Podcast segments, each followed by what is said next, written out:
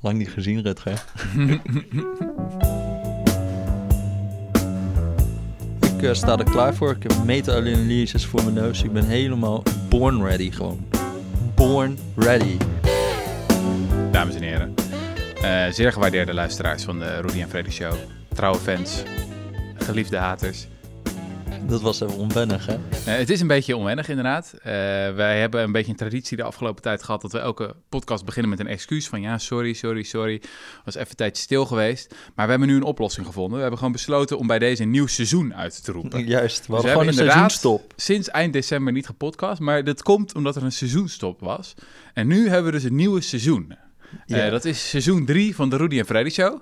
Hebben we er zin in? Ja, ik, heb, ik vind het eh, bijzonder om weer tegenover je te zitten. Ik Ja. bedoel, ik spreek je wel eens ook gewoon in de wandelgangen, maar dit is toch zo'n soort formele status, hè, dat we het hier even doorspreken. Is zeker bijzonder, is ook spannend. Eh, wat gaan we doen? We gaan het frequenter doen. Eh, ik kan beloven dat mij dat gaat lukken.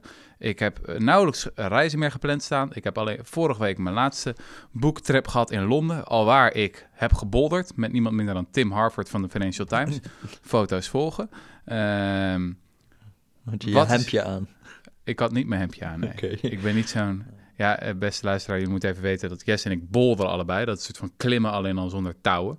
En ehm ja, Jess is wel ietsje beter dan ik. Al, je wordt steeds slechter, toch? Ja, ik word wel aanzienlijk slechter. Ja, Ja, dat doet me wel deugd.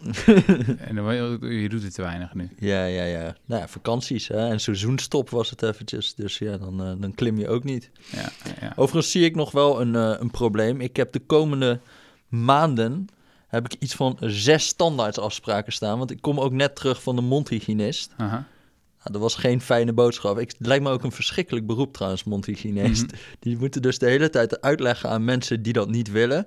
dat ze moeten flossen.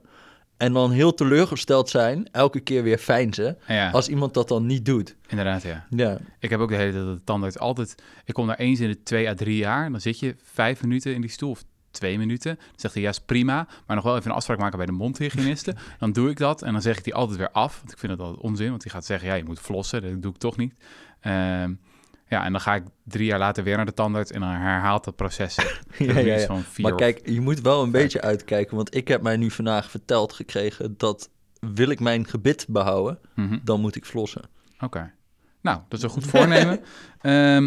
Dus wat, is, luisteraars. wat is nog even cruciaal om te zeggen? We hebben natuurlijk een tijd niet gepodcast, maar dat betekent ook dat we bizar veel te bespreken hebben. Eh, we hebben heel wat boeken gelezen waar we het over moeten gaan hebben in de komende weken. Eh, er komen voor mij heel wat stukken aan die te bespreken zijn. Jesse, jij hebt je schuldenindustrie kruistocht eh, min of meer nou ja, afgerond. Zou ik niet zeggen, er zal altijd nog wel Nee, wat het achtervolgt mij nu gewoon. Maar misschien kan je even een korte update nog geven voor de luisteraars, wat je daar op dat vlak hebt uitgesproken. We hebben gewonnen, man. Nee, we zijn er nog niet.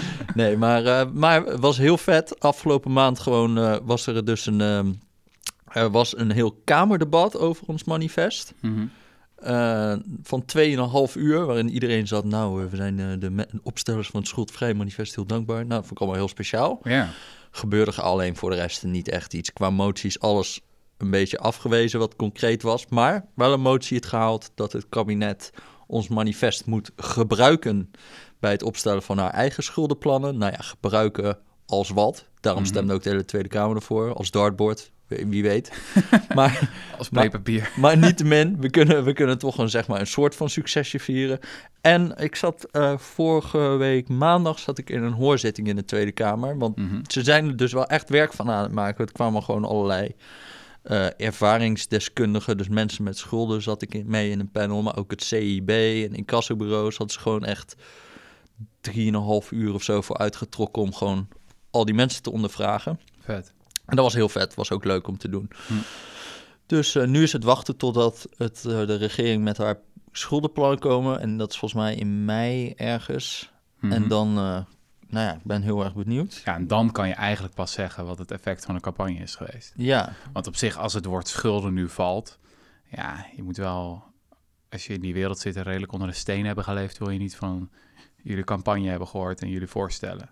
Nou, dat is wel heel leuk hoor trouwens. Want iedereen moest dus voor die hoorzitting een soort een position paper... wat trouwens een afschuwelijke term is... Mhm. die moesten ze aanleveren. Dus gewoon twee A4'tjes waarin op je zegt wat je vindt. Ja, dus daar komen dan allerlei experts uit het veld. Ja, precies. Dus, dus zo. beroepsorganisaties en weet ik veel wat. Nou, dan zag je echt heel veel van onze dingen ook de hele tijd terugkomen. Dat was echt vet om te zien. Dus, ja.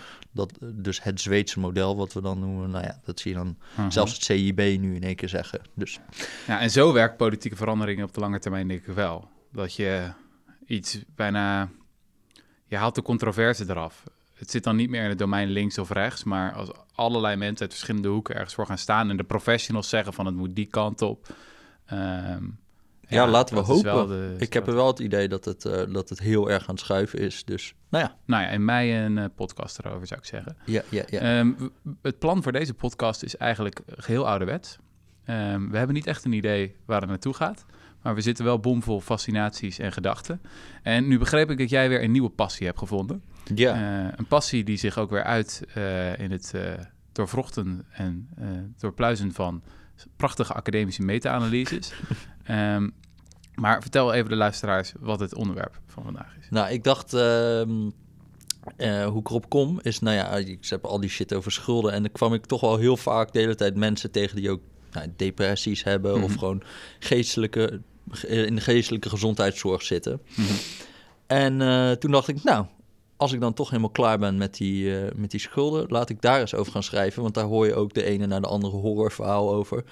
Ik had trouwens, na die, na die DNL-lezing had dus iemand mij zoiets gestuurd van... ehm, dat die, die man die had een eh, organisatorische stoornis. En die kon dus gewoon, die was heel slecht om eh, zijn leven te organiseren. En daarom zat hij in een behandeling bij eh, PsyQ in Den Haag, dus schaam je daar. En die, want, die, want die hadden dus een soort no-claim of een no- no-show-regeling ingevoerd. Mhm. En nou ja, deze man zijn specialiteit is dus dat hij niet op afspraken komt. Daarom is hij in behandeling. Ja, Maar die had nu al 700 euro aan boetes gekregen van PsyQ, omdat hij dus niet op een behandeling kwam. Oh ja, Nou ja, dus eigenlijk dat- zijn, zijn aandoening was dat hij niet op behandeling kon komen, omdat hij dat niet kon organiseren. Ja, daarvoor Daar werd hij voor behandeld, Ja. maar vervolgens kwam hij niet op de behandeling. Ja, en dan, dan, dan, dan kreeg hij een boete. En toen zei, ze dus, ja. toen zei ze dus al, ja, maar als we voor jou een uitzondering gaan maken, dan blijf ja, nou ja, goed. Anyway, maar dat is niet het onderwerp, want toen ben ik dus, eh, dan moet je ook een beetje inlezen van, waar gaat dat dan over? En ik heb, eh, ik was vorige week was ik in Brussel, in het huis van David, eh David van Rijboek, onze Mhm. collega. En daar heb ik drie boeken gelezen over, ehm, eigenlijk allemaal gaan die over het placebo-effect. En dat is echt fucking fascinerend, echt mind-blowing eigenlijk. Even heel kort, placebo-effect, dat is toch dat je denkt dat iets helpt, terwijl er helemaal geen een pil bijvoorbeeld, Ja, terwijl er helemaal geen werkzame stoffen in zitten, bijvoorbeeld gewoon, ja, gewoon een beetje kalk of zo dat je suikerpil, slikt, ja. suikerpil, zoiets. Maar omdat je gelooft dat het een, een echte pil is, eh, genees je toch of voel je je Ja. beter. dus het is heel moeilijk om te zeggen wat het placebo-effect nou precies is. Daar zitten ook de hele tijd eh, verschillende dingen in. Maar Mhm. het komt erop neer dat je eigenlijk elk medicijn, waar ik dan een boek over heb gelezen, is over antidepressiva. Mhm. Eh, om dat te testen of dat werkt, geef je één groep mensen en geef je een suikerpil. Mhm. En een andere groep mensen die geef je het echte antidepressivum. Ja, En dan ga je gewoon kijken wat is het verschil tussen, tussen die twee groepen. En dan kan je ervan uitgaan, ehm, eh, ja, dat is het echte effect van dat medicijn. ja, wat het toevoegt bovenop het placebo-effect. Ja, ja, ja, Ja. ja, ja. En, Nou, dat, dat is dat. Dus ik heb het boek gelezen van Irving Kirsch, heet dat. Ja. The Emperor's New Drugs. dat is de superkoning toch in dit veld? Ja, het is ook echt. Het is, was ook van die, drie, van die drie boeken die ik al had gelezen. Eigenlijk de enige die wel een beetje kon schrijven. Want het is ook echt zo opgeschreven als een soort detective. Oh, lekker. Van hij begon echt, echt zeg maar, vrij omvangen was hij op zoek naar. Hij schreef over placebo, dus hij was gewoon benieuwd naar het placebo-effect. Dus hij doet ergens in de jaren negentig doet hij zo'n zeg maar een soort meta-analyse. Dus hij eh, gaat heel veel onderzoeken bij elkaar schrapen. En om te kijken wat is het placebo-effect nou bij die antidepressiva. En dan blijkt dat iets van 75% van de respons op het medicijn, die heb je ook bij een placebo. 75 Dus drie vierde van, van, van mensen, drie vierde van het effect, dat heb je ook als je gewoon een suikerpil neemt. Oh ja. Dus hij had zoiets van, wow, dit is wel best wel fascinerend. En dat is natuurlijk ook al vrij fascinerend. Nou, er kwam enorm veel kritiek op. Dat was in de jaren 90, zei je. Ja, ja, ja, Ja. ja. Want dat is natuurlijk echt eh, best wel damning voor, zeg maar, die, eh, voor, dat, eh, voor zo'n antidepressief. Ja, en er staat hier gigantisch veel op het spel. Ik bedoel, tientallen miljoenen mensen slikken antidepressiva. Er is een gigantische farmaceutische industrie die miljarden verdient aan de verkoop van die pillen. Ja, Dus ja, als er ja. dan een onderzoeker komt die zegt 75% daarvan kan je ook met een suikerpil bereiken, Ja, dan is dat nogal pijnlijk. dat is zeker heel pijnlijk. Maar toen heeft hij nog iets gedaan, wat helemaal leuk is. Eh, je hebt de medicijnenautoriteit in, eh, in Amerika, en dat is de Food and Drug Administration, de FDA. Ja, En iedereen die zijn medicijn wil toegestaan krijgen, die moet daar zeg maar aanmelden en laten zien van dit medicijn is effectief. Ja. Of ten opzichte van placebo.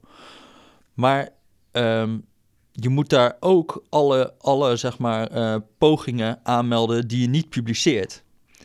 Dus heel veel van die medicijnfabrikanten die publiceren sommige studies, maar die hebben altijd positieve resultaten over ja, ja, ja. antidepressiva. ja, want je hebt een publication bias. Dat wetenschappers en organisaties en bedrijven alleen de resultaten publiceren in tijdschriften of bevallen. elders die ze leuk vinden. Ja, Ja. Waarmee ze een product kunnen verkopen. Ja. Of een academische carrière kunnen mee kunnen maken. Dus wat die Kirsch had gedaan, was gewoon een, eh, een, een, eh, een WOP-verzoek, of nou ja, de Amerikaanse versie daarvan, dan dus wet openbaarheid van bestuur, Ja, daar neergelegd en zeg, gezegd, geef mij alle eh, data van trials die niet gepubliceerd zijn. Mhm. Nou, die kreeg hij dus van alle medicijnen die toen, dus Prozac, alle grote namen, zeg maar. Mhm. En dus toen, gigantisch veel data had hij ineens. ja, hij had echt, echt een, zeg maar een vrij compleet overzicht van de data waar, op basis waarvan die medicijnen dus zijn toegestaan. Ja. Toen heeft hij nog een keer een meta-analyse eh, uitgevoerd. En toen bleek dat, ik geloof, 82% placebo-effect was. En heel veel, Nog erger. ja. nog, nog, nog groter Ja. dus. Dus als je al het onderzoek pakt dat jarenlang is gedaan, Mhm. zowel met positieve resultaten als negatieve resultaten, dan is 82% daarvan kan je ook met een suikerpil bereiken. Ja, En 18% zou dan het zou dan het, zijn. maar dan komt het nog leukere wat hij heeft. Hij heeft echt een hele interessante these. Dat is namelijk dat die 18% ook niet eens echt het medicijn is. Huh? Want Ja. hoe werkt zo'n antidepressivum nou? Ehm, die, daar krijg je enorme, enorme bijwerkingen van. Dus een droge mond, je seksuele lust die keldert naar nul ongeveer. En eh, nou ja, je hebt heel veel bijwerkingen. Het zal vast verschillen per middel, maar Ja, precies. Toch? Of- ja, het verschilt wel Ja. per middel. Dus de oude, oude antidepressiva die hadden veel meer bijwerkingen. Die van nu hebben minder, maar nog Ja, steeds ook maar zijn je bijwerkingen. merkt Ja. het gewoon. Ja. Dus wat hij zegt is, mensen die in zo'n eh, in zo'n medical trial zitten, die merken eigenlijk dat ze niet op placebo zitten. Omdat ze zoveel bij- bijwerkingen ervaren, dat het Mhm. eigenlijk zoiets is van, ja, dit, ik moet wel op het effectieve medicijn zijn, Ja. zitten. Dat blijkt ook als je achteraf na zo'n, na zo'n trial vraagt, denk je dat je in het, op het effectieve medicijn zat? Dan weet 85% van de mensen die daadwerkelijk op dat medicijn zat ook te zeggen ja. Oh ja, Ik- mensen hebben het gewoon door. Mensen hebben het gewoon door. Ja. Dus wat hij zegt, eigenlijk krijg je daardoor nog een sterkere placebo-respons, omdat jij denkt dat je echt het echte middel krijgt en niet een suikerpil. Oh ja, een super placebo. Dus het is een super placebo. Is, is eigenlijk. Dus door die bijwerkingen hebben mensen het idee van, oh, ik krijg echt iets. Nou denk je van, oké, hoe kan je dat nou bewijzen? En, dan- maar daar heeft hij dus ook echt, eh, eh, nou ja, vrij eh, interessant bewijs voor. Want één ding wat dus heel fascinerend is, is dat die farmaceuten al heel lang, omdat die bijwerkingen van antidepressiva zijn zo zwaar, Mhm, dat mensen er vaak mee stoppen. Mhm. Dus ze zijn een soort, al heel lang een soort zoektocht mee bezig om naar een middel dat eigenlijk hetzelfde doet, maar geen bijwerkingen heeft. Mhm. Maar elke keer als ze dat proberen te doen, dan blijkt dat het niet beter is dan placebo. En- oh ja, en- dus, oh, dus die hele zoektocht die is soort van, die ondermijnt zichzelf. Ja, ja, ja, ja, want dat is, dat is dit middel, zeg maar. En wat ook fascinerend is, in de jaren 60 en zo hadden ze, hadden ze nog niet echt, zeg maar, die theorieën over antidepressiva die we nu hebben, waar ook nog een ander verhaal is. Maar toen gebruik, probeerden ze ook allerlei andere dingen. Dus bijvoorbeeld opiaten en Mhm. hele zware slaapmiddelen en wat we nu antipsychotica noemen, om zeg maar depressie te bestrijden. En dat zijn ook allemaal medicijnen met vrij heftige bijwerkingen. Ja. En die zijn ook allemaal beter dan placebo. Ja, ja, dus als ik het samenvat, een, een, een suikerpil zou al, wat is het, 82% van het effect veroorzaken. Mhm. Maar doordat we bepaalde antidepressiva gebruiken met sterkere bijwerkingen, krijg je een soort van dubbel placebo-effect. Mhm. Super placebo zou ik het even noemen. Mhm. Waardoor het sterker is dan als je alleen een suikerpil geeft, omdat mensen dat dan doorhebben. Mhm. En als je daarmee rekening houdt, dan blijft er eigenlijk helemaal niks over. Ja, dat is dus zijn, zijn theorie. Maar, dat- maar wacht, wacht even, maar dat is toch super, super schokkend. Ja, dat is echt een... Ik, ik, vond, het echt, ik vond het echt een mindfuck. Maar ja, dat is, echt heel extreem. dat is gewoon een gigantische industrie die in elkaar tuimelt. Ik bedoel, in Nederland zitten honderdduizenden mensen aan de antidepressiva. Dat betekent dat er miljoenen mensen wereldwijd onterecht allerlei bijwerkingen hebben gekregen. Ja, tenzij je zegt van ja, we- Ja, maar je wil dat nou placebo is? hebben. Want Wat nou- placebo is wel echt. Ja. Ik bedoel, mensen voelen zich echt beter daardoor. Maar dat is ook de respons die jij de hele tijd krijgt van, van zeg maar psychiaters. Die voelen zich heel erg aangevallen. Mhm. En die zeggen ook van ja, maar het werkt. Maar hij zegt ook ja, maar dat bestrijd ik niet. het enige, het punt is, is dat het werkt omdat het een placebo is. En een placebo werkt. Dus wat hij, hij ook schrijft in dat boek, dat vond ik ook wel fascinerend van... Waar mensen die depressief zijn op een gegeven moment heel erg last van hebben... is dat ze, als je ze vraagt waarom ben je nu echt... Waarom, waar ben je nu het meest depressief over? Dan is eigenlijk het antwoord van nou ja, dat ik elke dag depressief ben. Dus ze Ja. zijn depressief over hun depressie. En dat is een soort verwachtingenpatroon wat doorbroken kan worden door zo'n antidepressivum. Ja, wat, je eigenlijk ja, aan hun wat ze eigenlijk de theorie is van ja, je hebt een je mist gewoon een, een, een chemicaliën in je hoofd en dat gaan we nu aanvullen. Ja. En daardoor doorbreek je zo'n verwachtingenpatroon. En dat kan heel effectief zijn. En ver- niet, eh, zeg maar, het is niet bij iedereen effectief. Hè? Kijk, ehm, bijvoorbeeld heel veel van die mensen waar ik over schreef. Ja, als je 40.000 euro schuld hebt en geen dak boven je hoofd. Dat gaat niet werken. Nee. Dan is de kans dat jij gaat opknappen van zo'n antidepressivum, eh, zeg maar, er zijn, zijn wel gereden oorzaken, zeg maar. Mhm. Niet dat dit niet gereden is als je het. eh, Maar mensen zitten v- eh, zeg maar vast in hun verwachtingenpatroon. Wat doorbroken moet worden. Maar dit is toch, dit is echt totaal fascinerend. De- Het, het, het doet ook suggereren bijna dat we, dat dokters gewoon op een verkeerde manier naar mensen kijken. Toch? Dat we heel vaak de mens zien als een machine. En een Mm. machine die bijvoorbeeld gebroken onderdelen heeft die je kan fixen. Mhm. Terwijl dit, wat jij nu beschrijft, past veel beter bij hoe geesteswetenschappers de mens zien. Namelijk dat de mens een voelend wezen is met allerlei ideeën. Mhm. En dat die ideeën zelfvervullende profetieën kunnen worden. Mhm. Dus dat als je bang bent, dat, die, dat het ook zichzelf kan bevestigen. Ja. En dat als je hoop hebt, dat die hoop zichzelf kan bevestigen. Dat we al in allerlei cirkels vastzitten. Ja. Cirkels van geloof. ja. En dat dus de, het antidepressieve, het pilletje, een manier is om dat geloof te doorbreken. Om Ja. ineens vertrouwen te herwinnen in jezelf en in de toekomst. Ja, en wat dus ook nog heel fascinerend is daarbij, is dat hij, hij geeft ook, zeg maar, je hebt ook studies waarbij ze dat placebo niet gewoon alleen een suikerpil maken, maar hem ook een soort bijwerkingen geven. Dus Mhm. je kan mensen ook een soort eh, medicijn tegen Parkinson bieden, waar Mhm. ze dan een droge mond van krijgen en een paar van kleine bijwerkingen. Niet zo zwaar als zeg een antidepressivum, maar ook bijwerkingen. Dus je hebt ook het idee van, hé, hey, ik ben wel iets echts aan het gebruiken. Ja. En dan zie je dat verschil verdampen, zeg maar, Hm. tussen antidepressiva. Dat is als je een actief placebo gebruikt. Ja, dat is, dat is, dat is zeg maar... Ja, Maar heel die wetenschap van placebo's, wat toen dacht ik, ja, hier moet ik echt meer over weten. Toen heb ik nog een boek gelezen, dat is helemaal een mindfuck. dat heet Surgery, The Ultimate Placebo. ja. En wat ze dus bij, ehm, bij, eh, eh, eh, bij snijden, dus chirurgen en zo, dan heb je bijna nooit dat je het tegen placebo test. Hè? Want je kan je voorstellen, dat, stel we gaan, we gaan iemands knie open snijden en dan vervolgens doen we niks. ja. Maar dat wordt dus wel gedaan. Dus er zijn wel een paar, paar trials geweest waarin dit is gedaan. Dus Ja? waarin ze gewoon sham surgery hebben toegepast. Nou, dan bijvoorbeeld een van de meest gebruikte knieoperaties is voor artrose, geloof ik, Ja. of zo hebben ze het dan over. En dan hadden ze gewoon geprobeerd bij de ene groep van, eh, eh, nou, gewoon nep, voor nep. En van de andere hebben ze de echte behandeling gedaan. ja.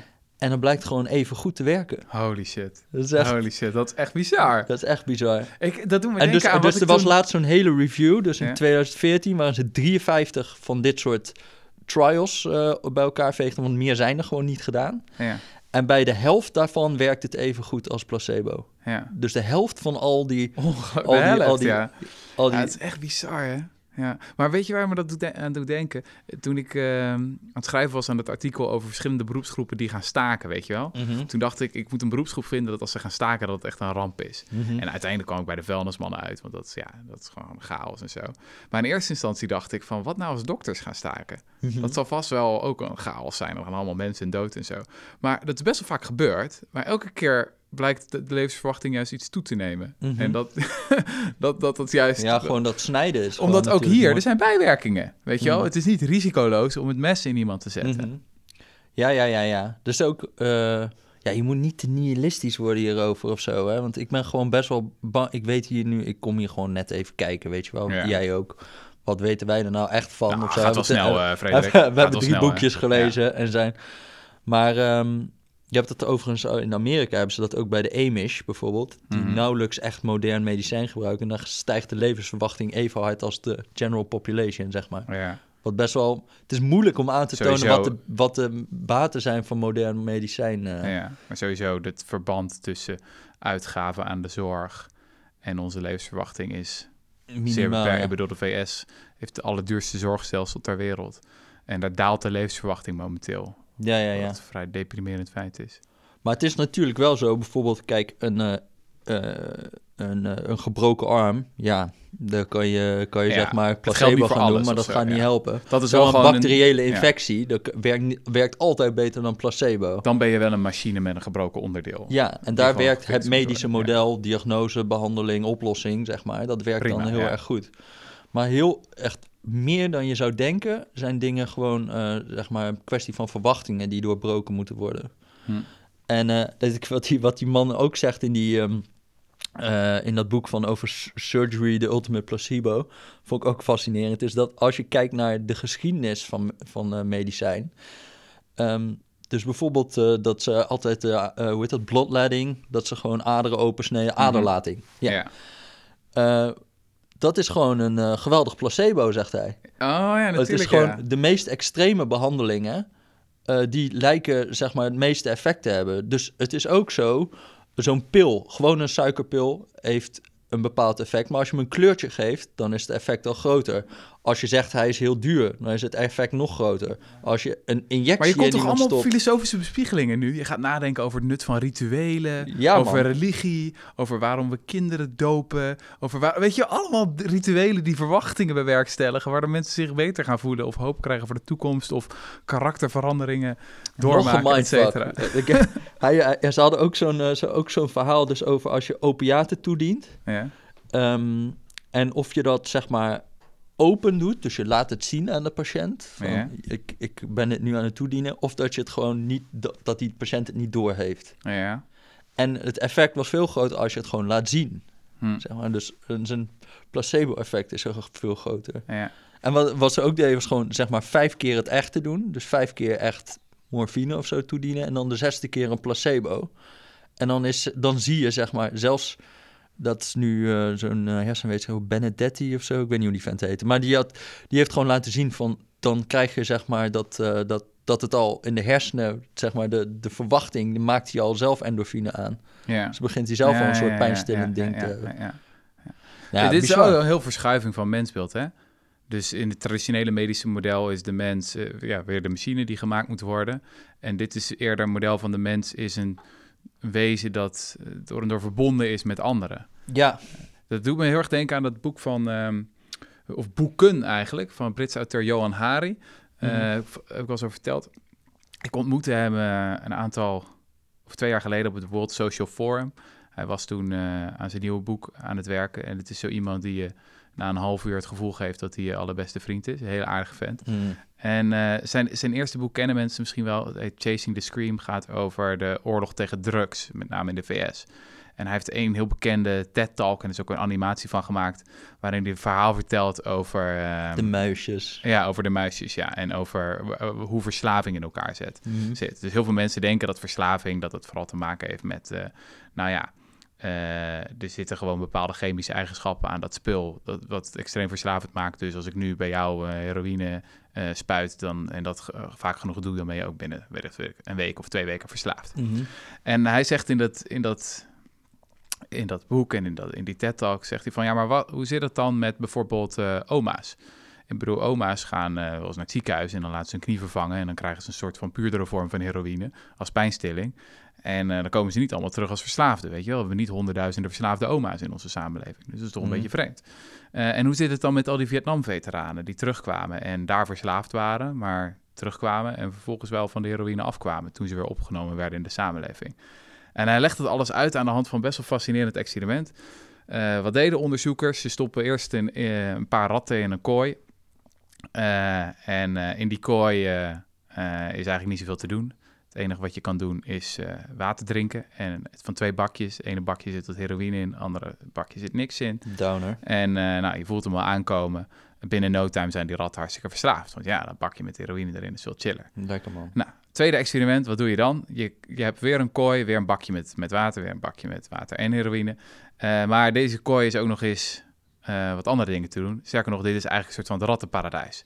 Dus wat kan je doen? Er zijn allemaal leuke speeltoestellen. Je kan in zo'n uh, rat gaan ronddraaien als rat. Er zijn allemaal vrouwtjes om seks mee te hebben. Het is echt één, één grote fantastische plek. En wat gebeurt hier? Nou ja, de ratten proberen dat water met de heroïne wel. Maar ze gebruiken het verder niet meer en raken niet verslaafd. Kortom, een metafoor voor Ja, ja, dat mooi. we verkeerd nadenken over verslaving. En dat verslaving niet een kwestie is van individuele problemen, maar een samenleving Mhm. ehm, waarin eh, die gewoon niet genoeg te bieden heeft voor veel Mhm. mensen. Of een samenleving die kapot is. En daar gaat dit ook de hele tijd over. We zijn depressie geneigd te zien als een individueel probleem, Mhm. terwijl het in feite een collectief probleem is. Maar wat is nou het interessante? Deze discussie is echt een mijnenveld. Het tweede boek van Johan Hari gaat over eh, depressies. En ook over antidepressiva. En hoewel die in dat boek duidelijk is van, weet je, ik wil niemand af eh, zeggen van als jij baat hebt bij een bepaald medicijn, wil ik echt niet zeggen dat je ermee moet stoppen. Maar goed, hij is natuurlijk kritisch. Hij had ook het onderzoek van Irving Kirch aan. eh, Curving, zeg je dat goed? Ja. Ja. En ehm zegt van we zouden eigenlijk naar sociale antidepressiva moeten gaan. Weet ik veel. Meer contact met elkaar, meer in de natuur, Mm. Basisinkomen. Alle mooie ideeën. Ja, daarvoor moesten we dus interviewen. Eh, in ieder geval, ehm, volgens mij een hele goede manier van denken. Maar de, echt de backlash die je dan krijgt is gigantisch. Want wat zeggen mensen tegen hem? Hij zegt, ze zeggen, jij bent verantwoordelijk voor eh, de zelfmoord van jonge mensen. Die Hmm. lees je een boek, die stappen van een antidepressivum af. En eh, ja, dat is, dat is wat jij teweeg brengt. Levensgevaarlijk boek. Hij echt, echt super hard op aangevallen, toch? Goed, als je het leest, dan is het allemaal heel genuanceerd. Maar dat, dat, dat is misschien nog iets, iets om over na te denken. Dus jij verwacht eigenlijk doodverwensingen na deze podcast? Nou ja, het is. Nou goed, een podcast kan je altijd alles zeggen. op een of andere manier. Maar eh, het is wel echt een mijnenveld. Ja, ja, ja, ja, ja. Ja, en wa- maar wat mij wel opvalt is als ik dan zo kijk bij die Kiers of zo, dat, dat verhaal over dat 82% placebo-effect is, volgens mij niemand bestrijdt dat meer of zo. Nee. Wat ze zeggen, wat ze zijn nog wel die these van hem over die laatste 18%, nou ja, daar kan je het dan niet mee eens zijn. Maar ja. Maar ehm, overigens, dat, die laatste 18%, dan hebben we het echt over een minimaal effect. Hè? Dus ze gebruiken de Hamilton depressieschaal. Dat is een soort vragenlijst met 21 items. Van eh, slaap je wel goed? Heb je nog eh, aan zelfmoord gedacht? Eh, en dan nou ja, nog zo'n nog zo'n Mhm. hele lijst. En als je dan een antidepressivum neemt, dat zou dan twee punten schelen op van de 51 punten die je kan krijgen op die schaal. En nou ja, dat is zeg maar al als jij eh, een nacht wat ietsje beter hebt geslapen, dan, eh, dan ben je al die twee punten erbij. Dus dat is eigenlijk wat hij zegt, klinisch insignificant. Ha. Dus je kan bijna het verschil niet zien tussen iemand die dan twee punten erbij zou hebben gekregen. Dus alleen op basis daarvan is het effect al zeg maar zo klein. Zelfs als je de rest zijn hele hypothese over niet aanneemt, dan is het al een heel erg klein effect. Mhm. Maar goed, wat, dan had ik nog een derde boek, wat ik ook heel interessant vond. En dat ging dan over The Great Psychotherapy Debate van eh, Bruce Wemple, weet je dat? Klinkt als een page turner. Zo, dat was echt beroerd geschreven, hé. Dat is echt, dat is echt, eh, dat was echt gewoon een paper van 400 pagina's of zo. Maar die, ehm, dat gaat dus over psychotherapie en of dat werkt. Nou, Mhm. ja dus, dat werkt ongeveer even goed als eh, antidepressiva. Alleen minder terugval. En, ehm, maar wat dat is Minder eigenlijk... terugval, je bedoelt dat de depressie minder vaak terugkeert. Ja, ja, ja. Dus, het Dus is mensen langduriger. langer- Ja, ja, ja. Ja. Dat is ook nog iets met al die, al die trials van de antidepressiva. Dat gaat, duurt maar acht weken of zo. Omdat heel veel mensen er vanaf stappen. Op, Ah, ja. Omdat door die bijwerkingen. Ja. Dus wat eigenlijk best wel raar. Maar, ehm, eh, maar wat, wat hij wat heel interessant vond aan dat boek was dus hij heeft de, eh, hij laat eigenlijk zien.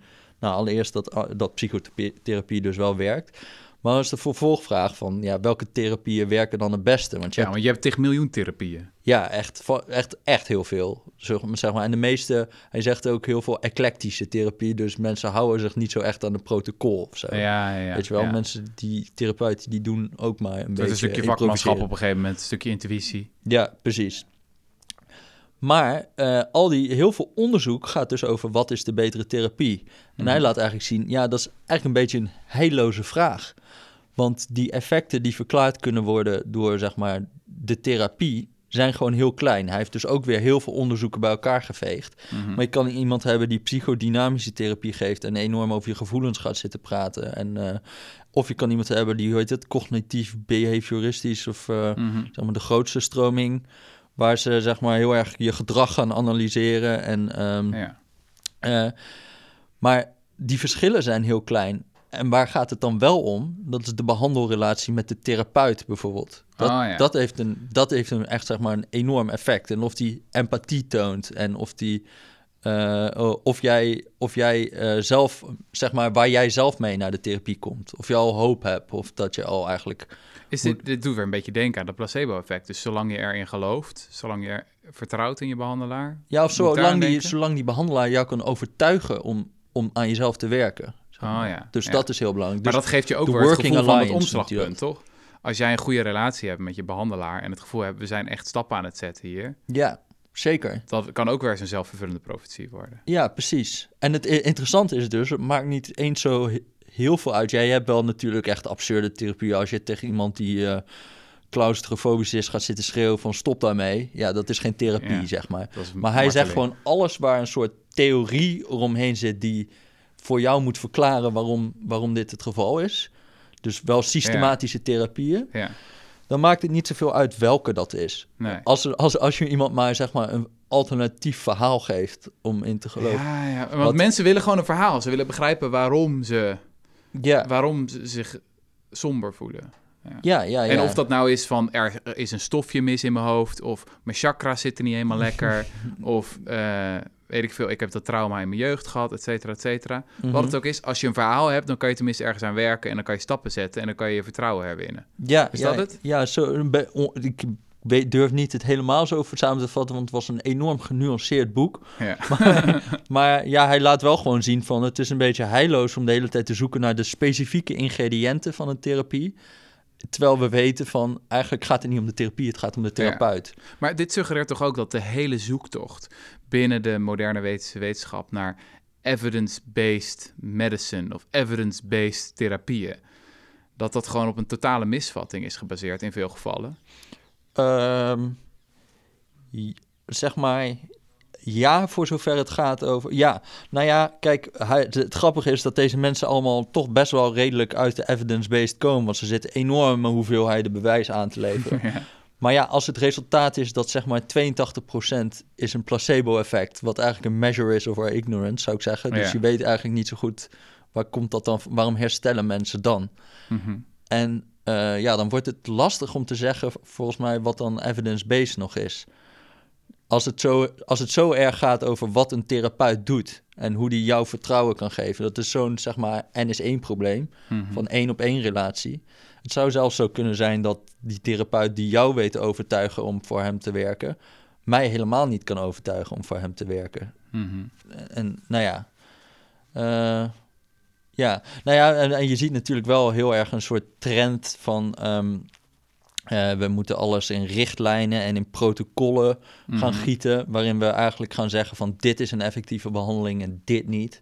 Ja. Alleen dat is in die geestelijke gezondheidszorg dus eigenlijk volkomen heilloos, heilloos pad Ja. om daarop, om daarop te gaan, gaan in te zetten. Want het gaat niet om zeg maar, die behandelingen, welke effectiever is. Het gaat om die behandelaar. Ja. En voor nog, een- nog een groter gedeelte natuurlijk om de, de sociale context van diegene die behandeld wordt. Ja. Want ja, gewoon zeg maar die mensen die in armoede leven, die hebben goede reden om depressief te zijn. Dan kan je wel gaan behandelen, maar dat is...